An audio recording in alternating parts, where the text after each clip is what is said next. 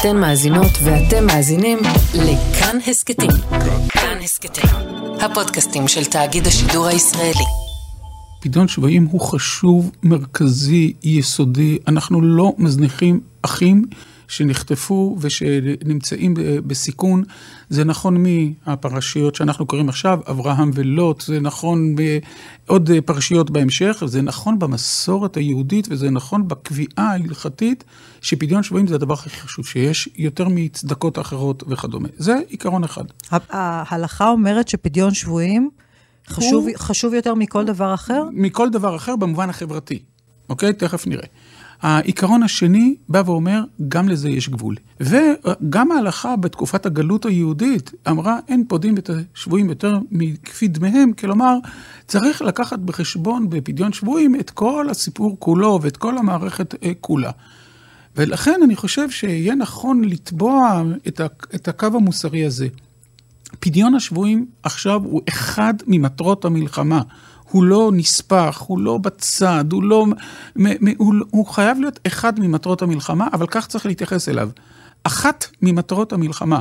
יש לנו כמה מטרות, ואז כמו כל דילמה, אנחנו נמצאים כל הזמן במערכת הזאת. ולכן טוב מאוד שהקול שדורש, שתובע את אה, פדיון השבויים יישמע כל הזמן, ומצד שני, יש לי כמובן ציפייה אתית ומדינית ומהנהגה שתשקלל את כל המערכת, ובלבד שתשים את פדיון השבויים והחטופים כאחת ממטרות המלחמה.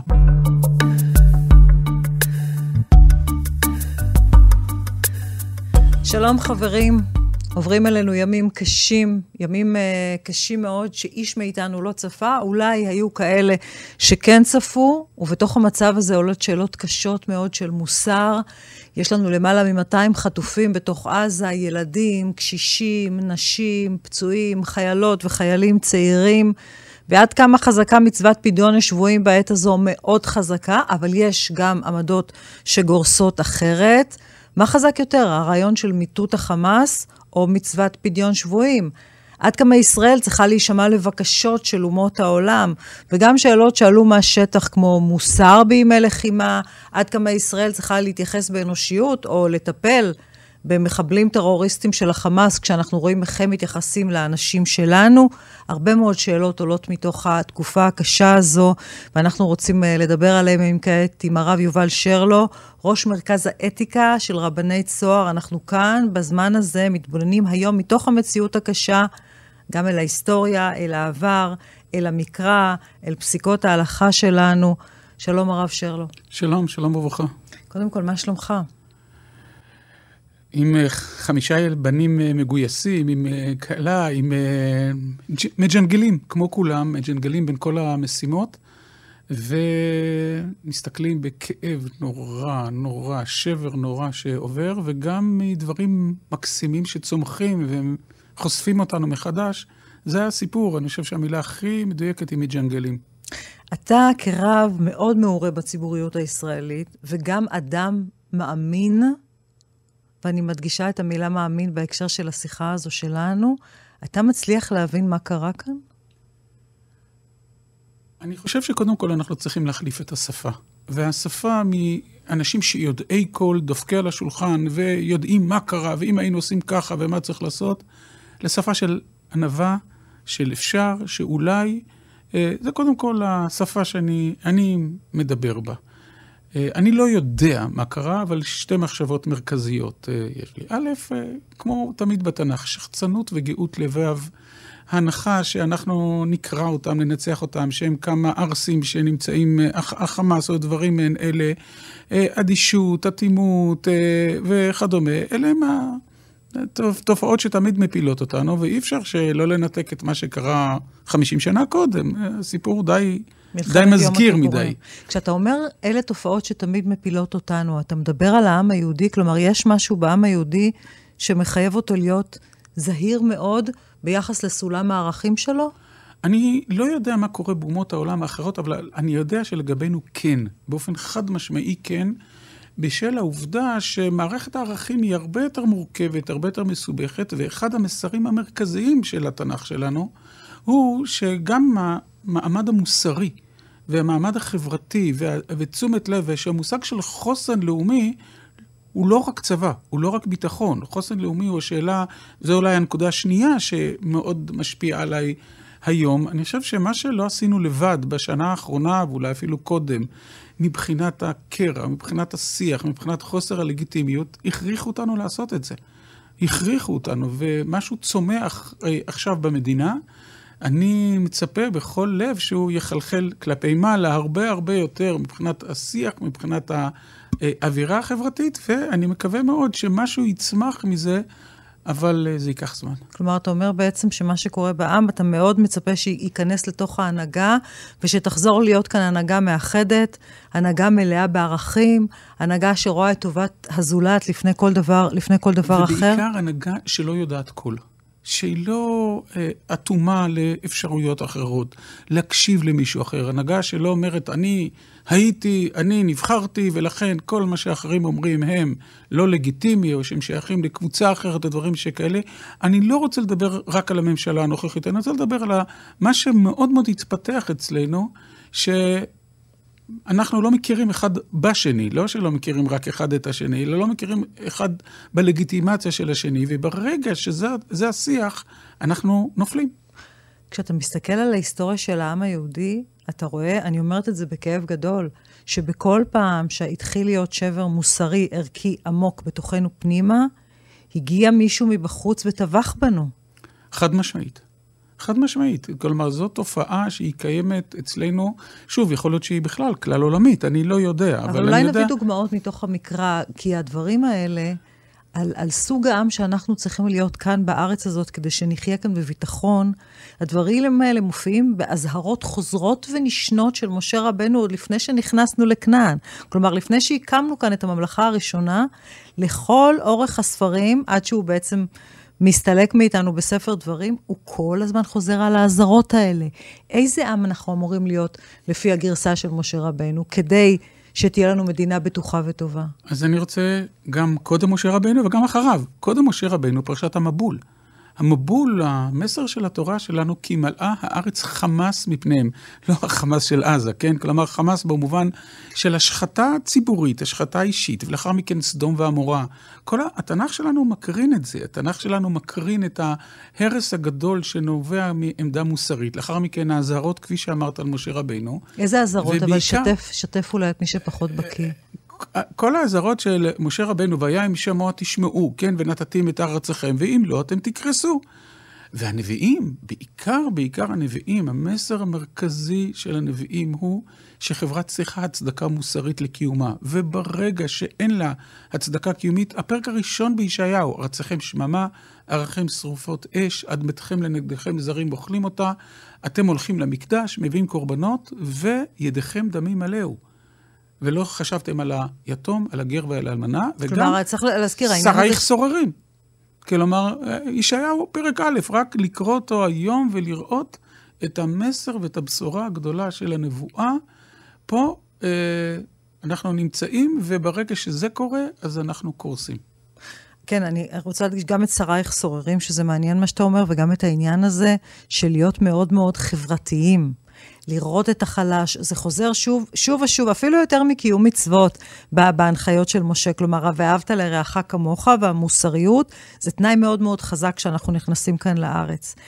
אני רוצה לדבר איתך על סוגיה מאוד מאוד קשה שניצבת אה, לפתחנו, בוודאי לפתחם של מקבלי ההחלטות, וזה סוגיית פדיון שבויים. מאוד מאוד כואבת, מאוד מדממת, לא היה לנו מעולם אירוע בסדר גודל כזה.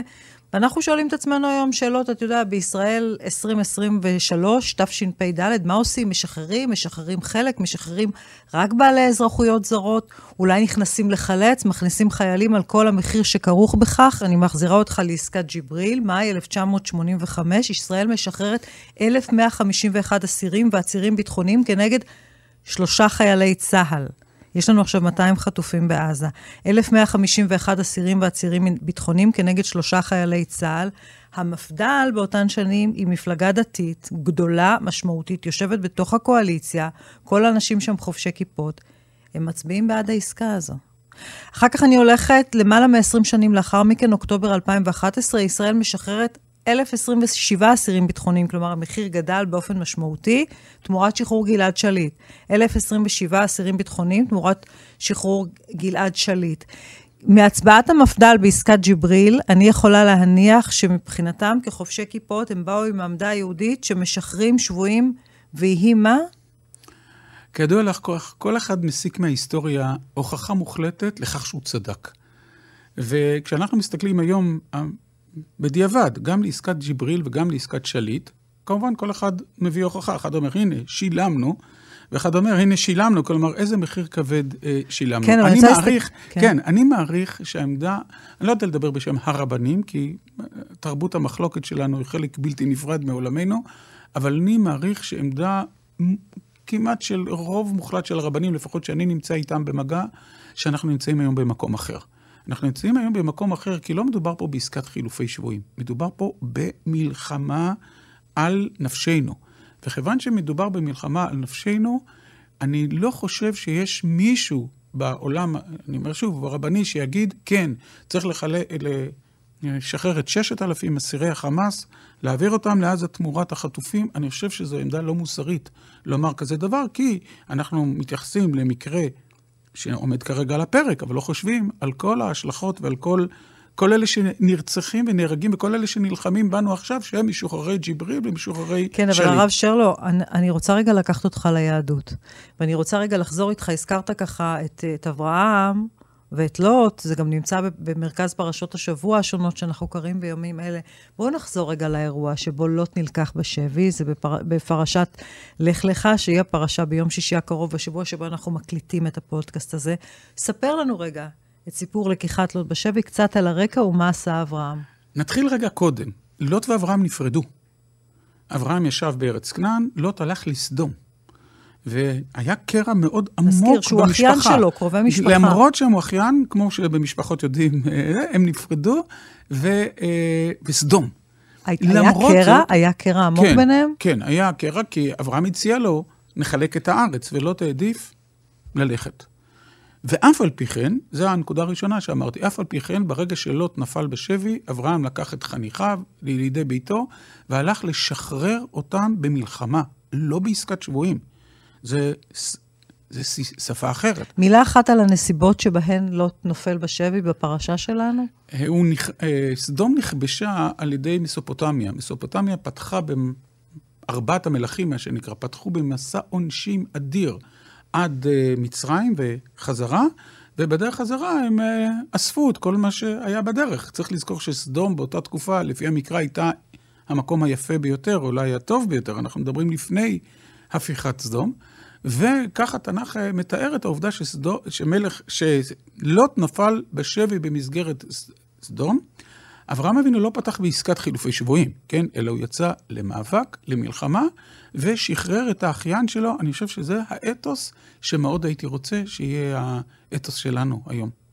ומה קורה, אה, יש לנו עוד סיפורים על שבויים שנפלו בשבי במהלך המקרא, ואנחנו מבינים מהם איך המקרא מתייחס לכך? כן, יש אפילו סיפור מאוד מאוד דומה של דוד וציקלג, גם כן סיפור... ספר. שאני, כן, אני לא אאריך בזה יותר לא מדי. לא דווקא תאריך, זה מעניין. אבל בגדול, דוד היה מפקד גדוד של אנשים שהיו פליטי החברה.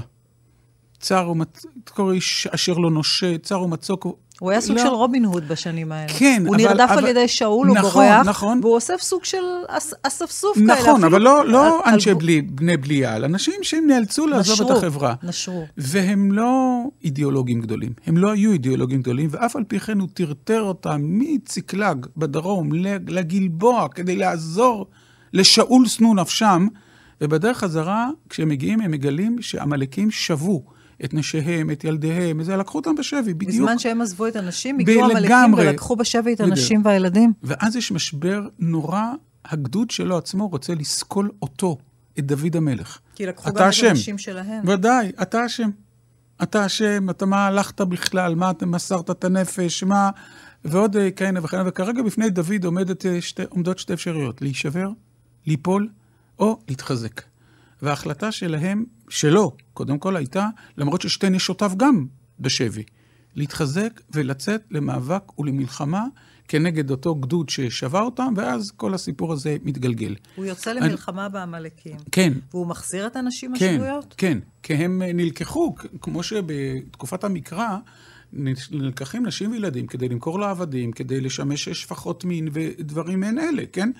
והוא הצליח אה, להחזיר אותם, אבל הנקודה המרכזית היא, עוד פעם, אסור לנו לוותר על השבויים והחטופים, אבל צריך להיאבק על זה ולא להיכנע. רוצה רגע להישען על הערכים המוסריים היהודיים, מכיוון שכמו שאמרת, אין פודים אה, שבויים, כלומר, מצוות פדיון שבויים היא מאוד מאוד חשובה, מאוד מאוד דרמטית, רואים את זה בהרבה מאוד פסיקות, אבל אין פודים שבויים מעבר, בכל, לא בכל מעבר מחיר, לשווי דמיהם. כן, וזאת בעצם הפסיקה.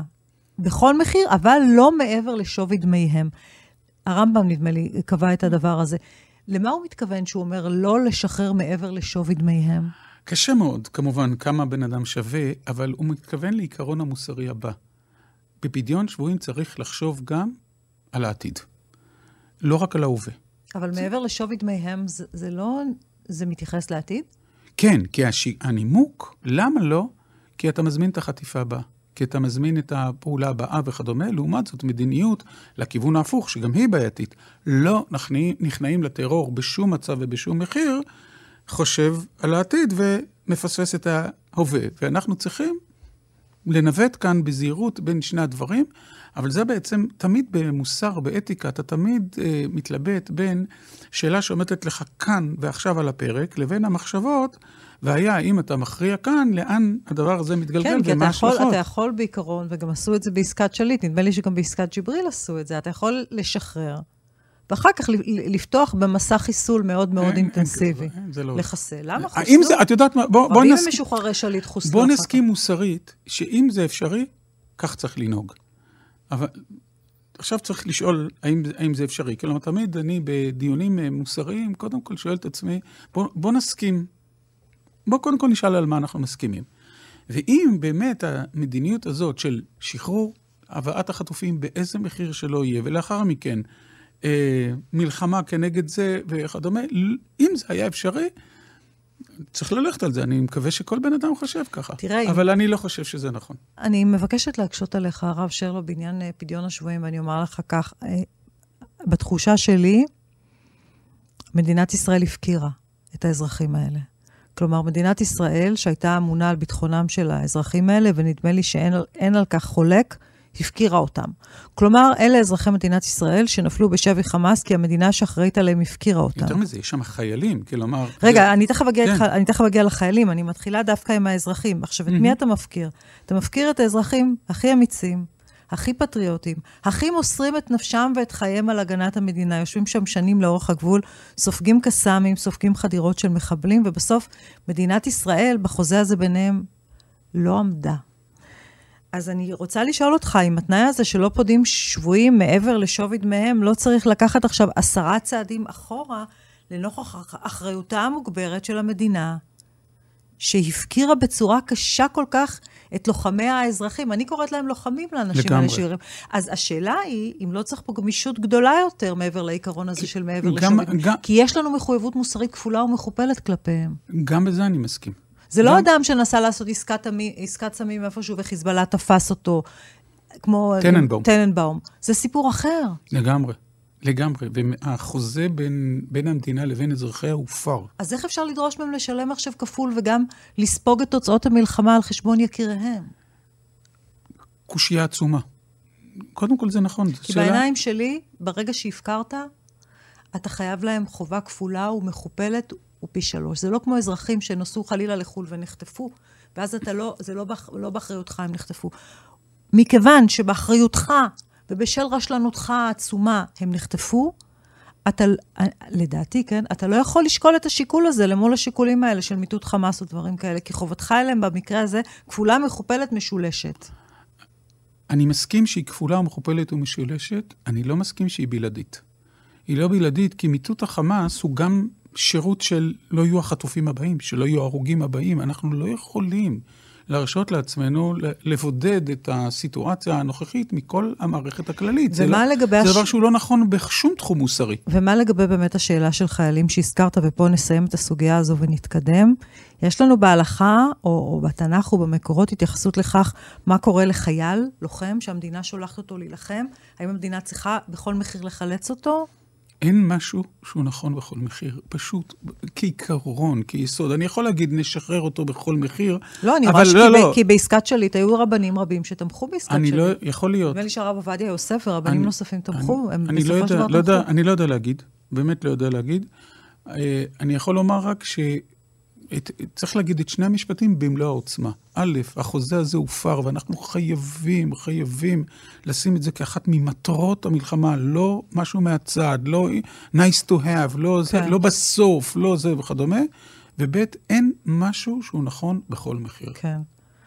כן, אני לא בטוחה שאני מסכימה איתך, לא, אבל א', א', קטונתי, באמת קטונתי. לא, אבל, אבל, שנינו לא נמצאים כרגע ב, כן. בקבלת ההחלטות המעשית. ואולי זו מזלנו, כי זו באמת החלטה קשה מנשוא. עכשיו אני רוצה לשאול אותך לגבי עוד שאלה, ופה באמת הייתי מאוד מבקשת לחזור להישען על, על התנ"ך ועל ההלכה היהודית וכולי. מדינת ישראל ידועה ביחסה הטוב למחבלים ורוצחים שיושבים בבתי הכלא שלנו. הם נהנים בתנאים מצוינים, ואנחנו אומרים, אנחנו מדינה ערכית, אנחנו מדינה הומנית, איך אמרת? זו הציפייה מאיתנו. זאת הציפייה שנמצאת לכל אורך אה, חמשת חומשי התורה, עוד לפני שאנחנו נכנסים לכאן, לארץ כנען. יחיא סינואר, מנהיג חמאס, היה כאן בכלא בישראל. היה לו גידול סרטני קשה מאוד בראשו שהעמיד בסכנה את חייו. מדינת ישראל הכניסה אותו לבית חולים, שילמה על ניתוח מאוד מורכב, והצילה את חייו של יחיא סינואר. האיש לא מכיר תודה למדינת ישראל על דבר, להפך, הוא שלח לכאן מרצחים ששחטו תינוקות וילדים במיטותיהם. האם זה צריך לטלטל במשהו מעכשיו את מערכת הערכים, את האופן שבו אנחנו נוהגים עם מחבלים שבויים, מחבלים פצועים? המחבלים האלה הם בני מוות. זאת נקודת המוצא. אף על פי כן, אני מציע לנו, משלושה נימוקים, אה, לעשות משהו, תכף אני אגיד מה. הנימוק הראשון, המהיר, הוא, אה, אני דואג לעצמי, לא להם. אני דואג למי מי אני רוצה להיות. שתיים, אנחנו יכולים להפיק ממודיעין, בסיס לחילופי שבויים, כל מיני, כל מיני תועלות, אם אפשר לזה כך. ושלוש, כדאי לנו, לא בגלל שאנחנו חייבים מוסרית, אבל כדאי לנו לשמור על החוק הבינלאומי מסיבות שונות ומגוונות של מדיניות. לכן, ברגע שהתפרסם שמשכנים מחבלים בבתי חולים, ליד אה, נפגעים וכדומה, אני יצאתי מגדרי כדי להילחם נגד התופעה הזאת, פשוט נפלתם על הראש. הבנתי שבחלק המקרים, אגב, הפרסומים לא היו נכונים. יכול להיות, לא, זה לא, זה, זה לא, אני לא מדבר כרגע על העובדות. אני, זה, אם זה היה תלוי בי, הייתי מקים, קודם כל זה הצבא, לא משרד הבריאות. ב', להשאיר אותם בחיים, לא טיפולים, אה, לא טיפולים אה, מתקדמים, לא פירות הרפואה הישראלית, לא כלום. בונים אוהל תאגד, משכנים אותם, אני לא רוצה להרוג אותם, נותן להם את הטיפול הראשוני והבסיסי להשאיר אותם אה, בחיים, אבל לא בגלל שמגיע להם, לא בגלל שיש לי איזשהו ערך מוסרי כלפיהם, אלא בגלל השאלה מי אני רוצה להיות. וצריך לזכור שאנחנו צריכים גם לדאוג לעצמנו, כי במקום שבו אתה מתחיל ל... אה, אה, אה, פשוט להזניח בני אדם, זה מחלחל, זה הורס אותך את עצמך. תחזיר אותי למקורות כשאתה אומר את הדבר הזה. המקור, אני חושב, היפה ביותר זה הרמב"ן. הרמב"ן לא הכיר את מדינת ישראל. רבי משה בן נחמן, כן. בן נחמן לפני כ-900 שנים. מילת רקע עליו? אני מיד, מיד אני אומר, חכם ספרדי, אפשר להגיד זה שהקים את עולם התורה בספרד. אה, ברבם של שלושים, מהוג... אה, אה, אפשר להגיד באמת הוגה הדעות המהותי ביותר בספרד. אנחנו כולם מכירים את הרמב"ם, אבל השפעתו של הרמב"ן כנראה הייתה הרבה הרבה יותר גדולה באופן פנים יהודי. והוא קרא בתורה, כי תצא מחנה על אויביך ונשמרת מכל דבר רע. ובפרש... זה כתוב בתורה, ובפרשנותו הוא אומר, הישר בבני אדם. יתמלא אכזריות וחימה בצאתו למחנה הקרב. כלומר, המלחמה, יש לה מחיר. עכשיו, הוא לא היה, הוא לא היה פציפיסט, להפך, הוא זה שניסח את מצוות יישוב ארץ ישראל. הוא לא אמר שבגלל שהמלחמה יכולה להשחית מוסרית, לא נלחמים. להפך, הוא אמר, נלחמים, מנצחים ומתמודדים עם האתגרים המוסריים. וזה המקור המרכזי שממנו אני שאבתי את מה שאמרתי לך ביחס, ביחס ל, ל, ל, אה, למחבלים הפצועים. אני, אין לי שום, אין להם שום מעמד בעיניי מבחינתי, הם, ברגע שהם בחרו, בבחירתם, לאבד צלם אנוש, אז אני מתייחס אליהם בדיוק כמו שהם בחרו. אבל התורה מחייבת אותנו להתייחס, להם, להתייחס אליהם לא, באופן אנושי? לא, התורה מחייבת אותנו להתייחס אל עצמנו, תיזהרו. זה הבדל עצום. כלפיהם אין לנו שום מצווה ושום אחריות. אבל יש לנו גם את הציווי הבא להורגך, השכם להורגו. לגמרי. כשיושב פה יחיא סינואר בכלא עם סרטן, וכולם מבינים שהוא יכול למות... אני מה... לא הייתי מטפל בו, לא הייתי משקיע כהוא זה, בטח שלא מהרפואה הישראלית, אה, לרוצח. מה פתאום? מהישגי הרפואה, אבל כאשר מדובר על חייל אה, פצ... כלומר, אם אנחנו מדברים על לקחת ארכי מחבל ולהעניק לו את הטיפול הכי מתקדם של סרטן וכדומה, אני אמרתי מראש, אני לא... אני חושב שזה לא נכון. אם אני בא ואומר, האם קטגורית בפצועי מלחמה אני מזניח אותם למות באיזושהי ערימה, או יש לי עניין כדי לדאוג לעצמי, לא כדי לדאוג להם, לא לעשות את זה, אני מעדיף את האפשרות הראשונה. יש ליהדות הלכות ברורות לגבי אם אתה משאיר מחבלים פצועים, אתה הורג מחבלים פצועים. השאלות האלה עלו הרבה פעמים ב- ב- בשאלות של אירועי טרור, בטח בפרשת קו 300, אנחנו זוכרים שזה התפוצץ. אבל אני רוצה, שוב, לשבת על התנ"ך. כי יש בתנ"ך המון הלכות מלחמה, המון המון המון הלכות מלחמה. זה נכון, אבל קודם יש שם איזושהי אין... הנחיה לגבי מה אתה עושה, אתה הורג את האויב שלך בכל מחיר, או שאתה לוקח אותו בשבי כשהוא פצוע, כשאתה רואה מחבל פצוע, אבל לא עם נשק. אתה יורה בו, אלאור עזריה, אתה לא יורה בו. יש לנו הנחיות ברורות ביהדות? אז קודם כל, בימי קדם לא היו פצועים. פצוע היה מת. מזיהום או מעיבוד דם, או מהתייבשות. כן? כלומר, בכלל, בתנ"ך אנחנו מוצאים את הפצועים, כמעט ולא מוצאים פצועים. אז להישען על תנ"ך, שתיים, התקדמנו בעולם המוסרי.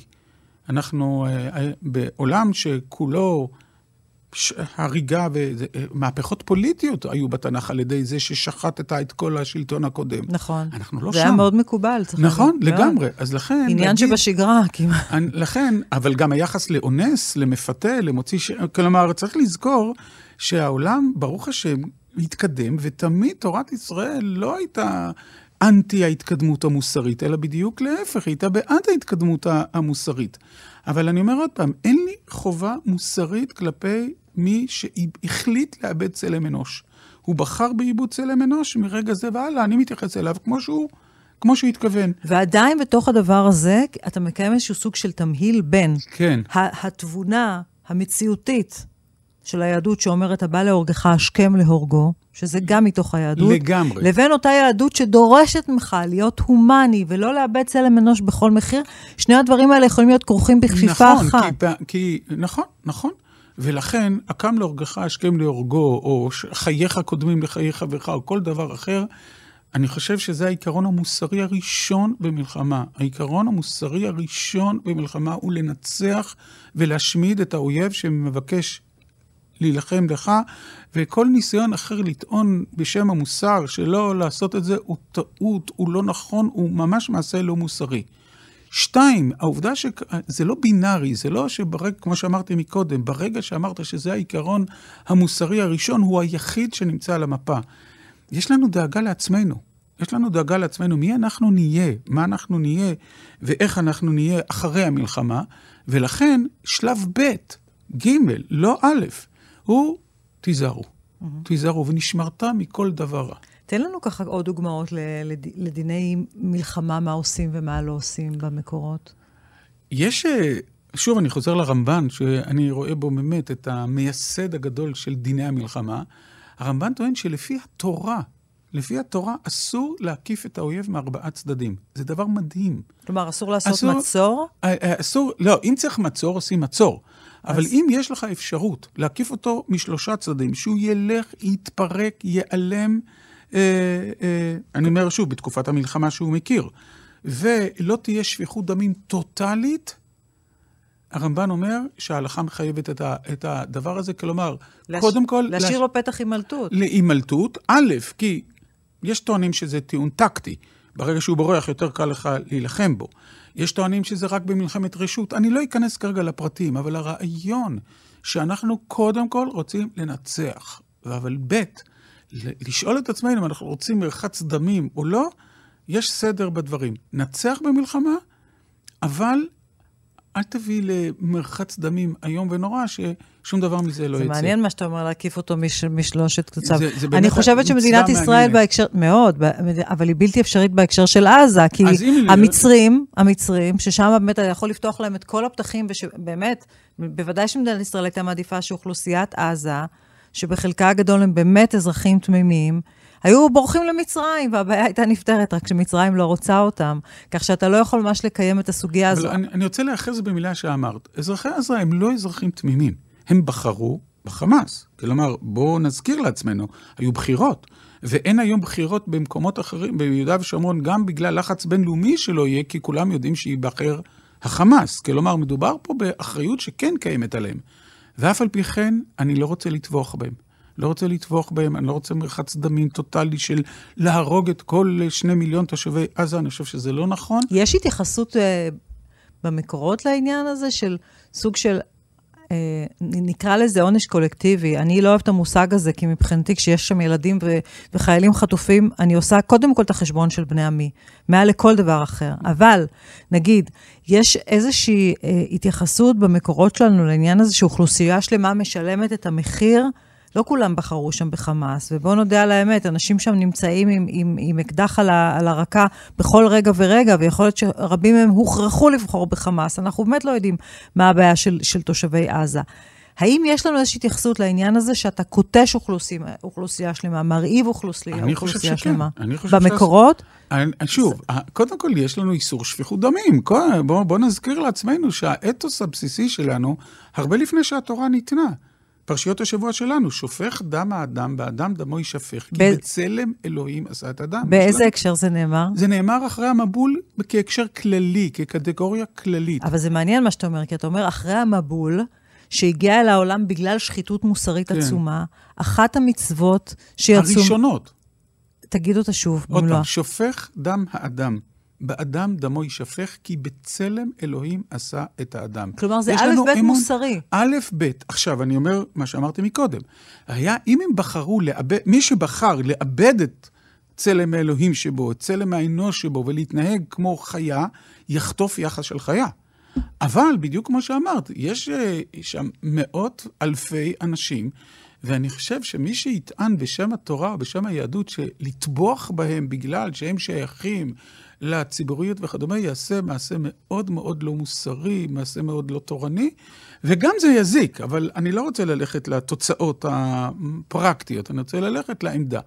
מצד שני, או מצד ראשון, בואו נזכיר לעצמנו כל מה שצריך לעשות כדי לנצח במלחמה הזאת, וכדי שהילדים שלנו והאנשים שלנו ואנחנו mm-hmm. לא נהרג, צריך לעשות. אני רוצה לחזור איתך לסוגיה מאוד עדינה, ש- שהופיע לצערנו במלחמה הזו, ואנחנו גם מכירים אותו במלחמות האחרות, וזו באמת השאלה של שאיבת זרע מגופת גבר שנרצח, נהרג, חייל, לא חייל, במקרה של המלחמה הזאת זה לא היה חייל, זה היה יהב וינר, אדם מקסים, זיכרונו לברכה, שהייתה לו תינוקת רק בת חודש, שיה. ואשתו, שיילי עטרי, שהיא זמרת והיא במאית קולנוע, והתרגש על האסון הזה, אימא עם תינוקת uh, בת חודש, הוא הציל את חייהן, הוא בעצם אפשר לשתיהן לקפוץ מהחלון, וכך, וכך הן ניצלו, והוא נורא בידי המרצחים האלה. והיא, משום מה, וזה לא ברור מאליו, אבל כנראה שהיא הלכה עם, עם צבא מאוד מאוד חזקה שלו, שהוא רוצה עוד ילדים משותפים. הוא רוצה שלבת הקטנה יהיו אחים ואחיות ממנו.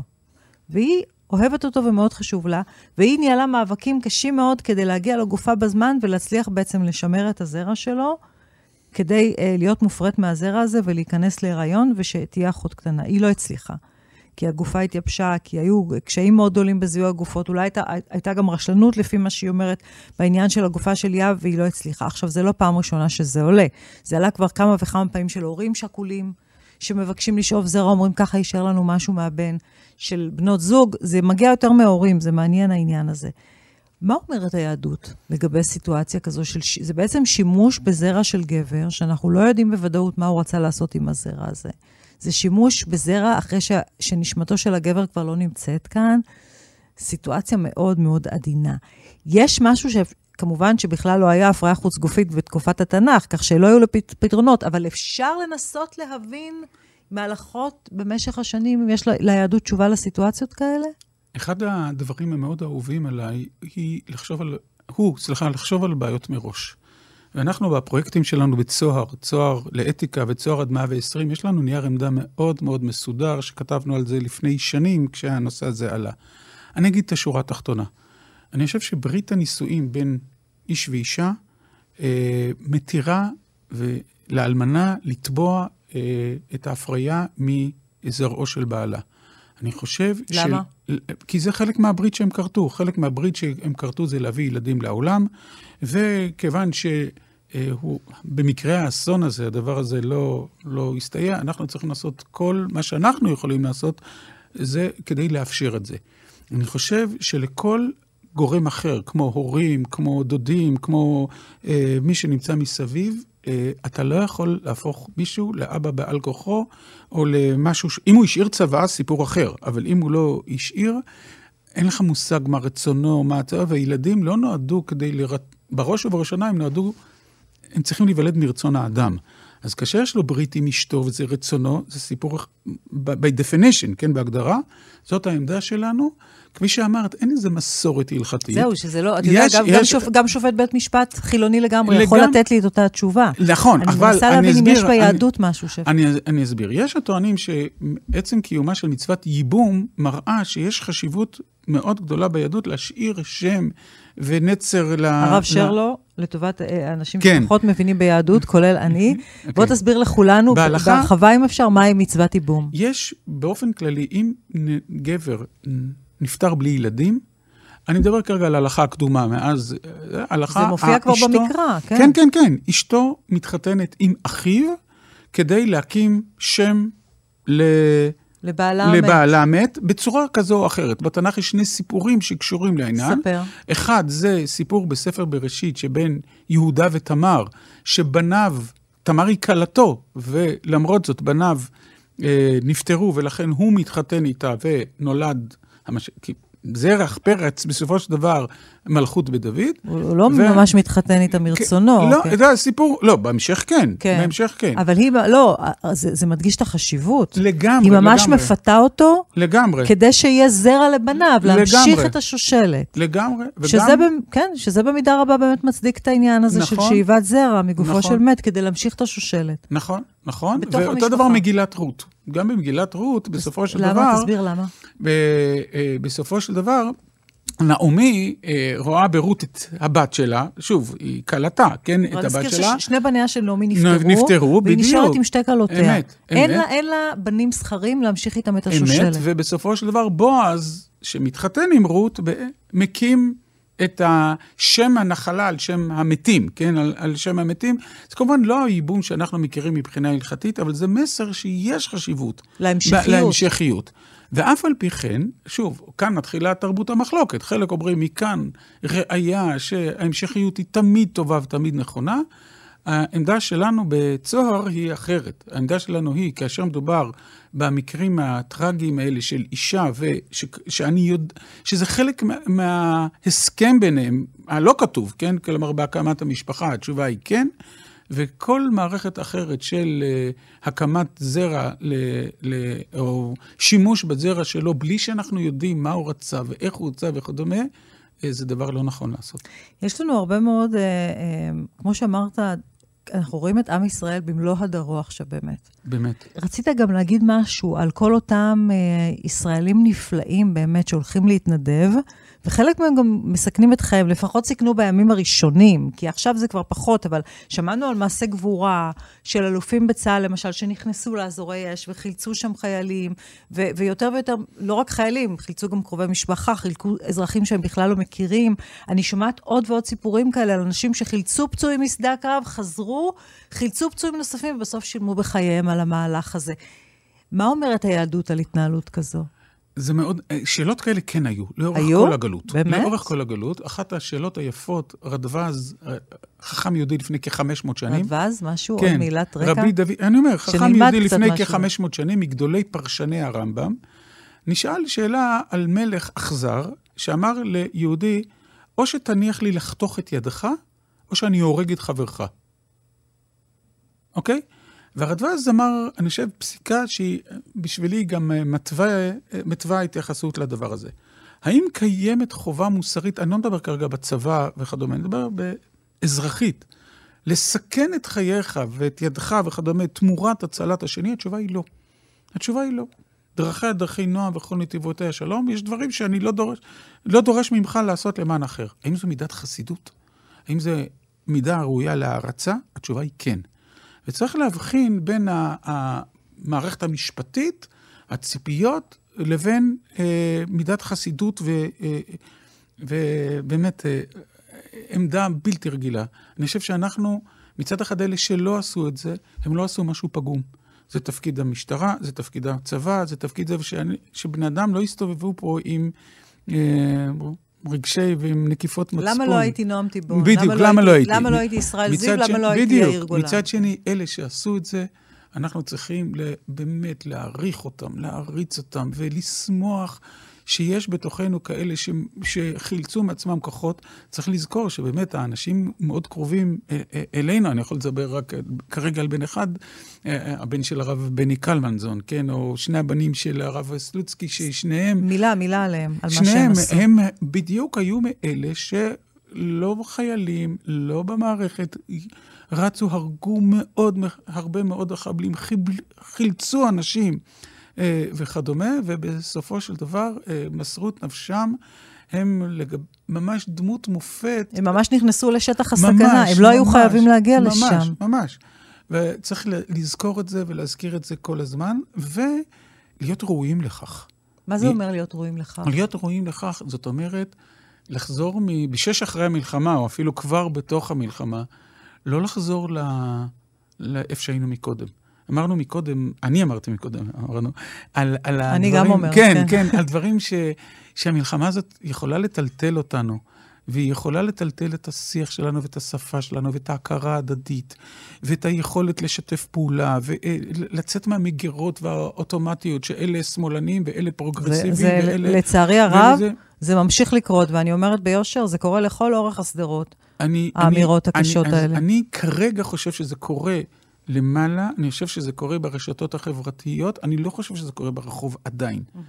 ויש, הרחוב הוא הרוב. הרחוב הוא הרוב. מתון יחסית, ב- כן. נכון, הרוב. ויש יש משהו שיכול לצמוח פה.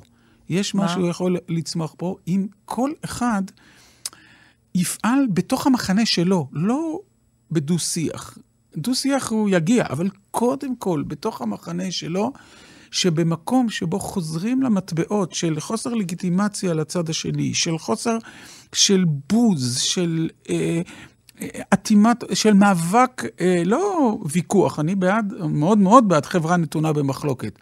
אבל לא טענות נגדך שאתה טועה, אלא נגדך שאתה לא לגיטימי, לא יקבל יותר את השפה הזאת, ולא יסכים יותר לשפה הזאת, לא לכינויים, ולא לבוז, ולא לאטימה, ולא להגדרות של, של הצד השני ככאלה וכאלה.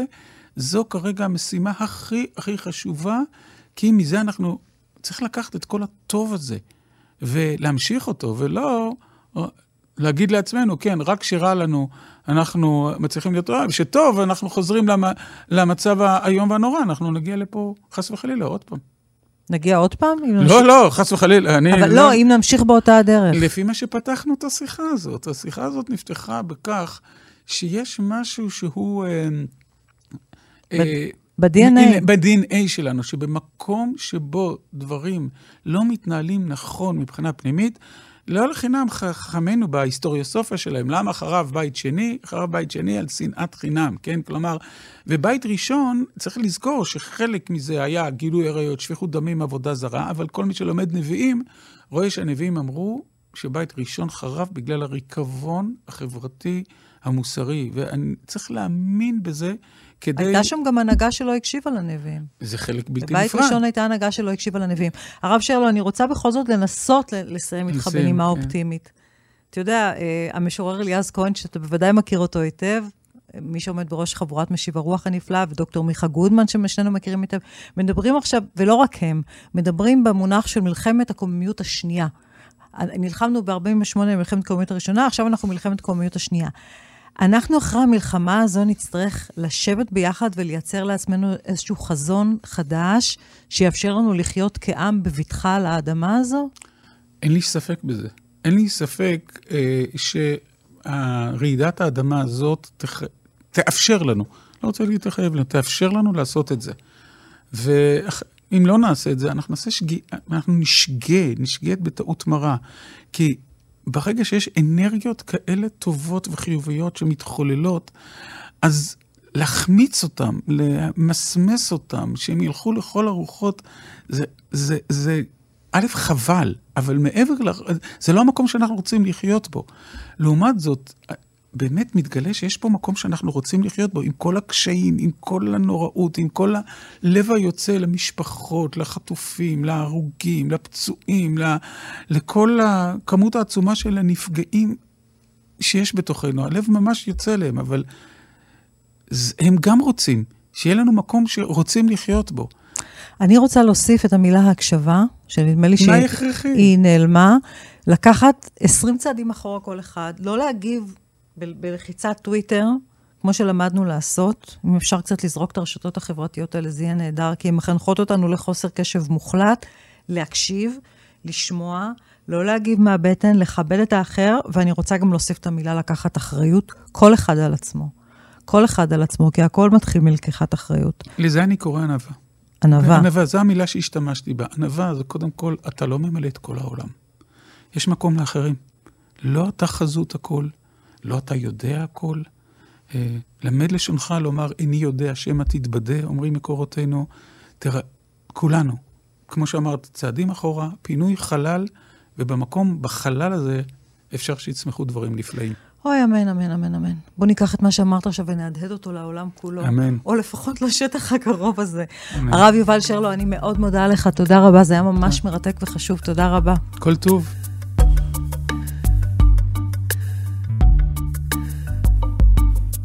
עד כאן הפרק שלנו, של ההסכת בזמן הזה, שמוקלט ממש בעיצומה של המלחמה. לא חשבנו ולא חלמנו שהזמן הזה שלנו ייראה כך. ואנחנו רק יכולים להתפלל ימים הרבה הרבה יותר טובים. מירב קדוש הפיקה את הפרק, שלומי אשר צילם וערך על הסאונד יוראי פיקר, שימי אביגד הוא מנהל התוכן. הפרקים של ההסכת בזמן הזה הם לא רק אודיו, הם מצולמים ואתם יכולים לראות אותם באתר שלנו וביוטיוב. אם אתם מעדיפים להאזין, הפרקים זמינים בספוטיפיי ובאפל פודקאסט. אנחנו, בעזרת השם, נשוב בקרוב עם פרקים חדשים ומראיינים מרתקים. נקווה שנחזור לעניינים שליוו אותנו בשגרה, ובנושאים האלה נצלול לתוך המציאות היום ונחזור עם תשובות מהתנ"ך, או להפך. אני ליאת רגב, נשתמע.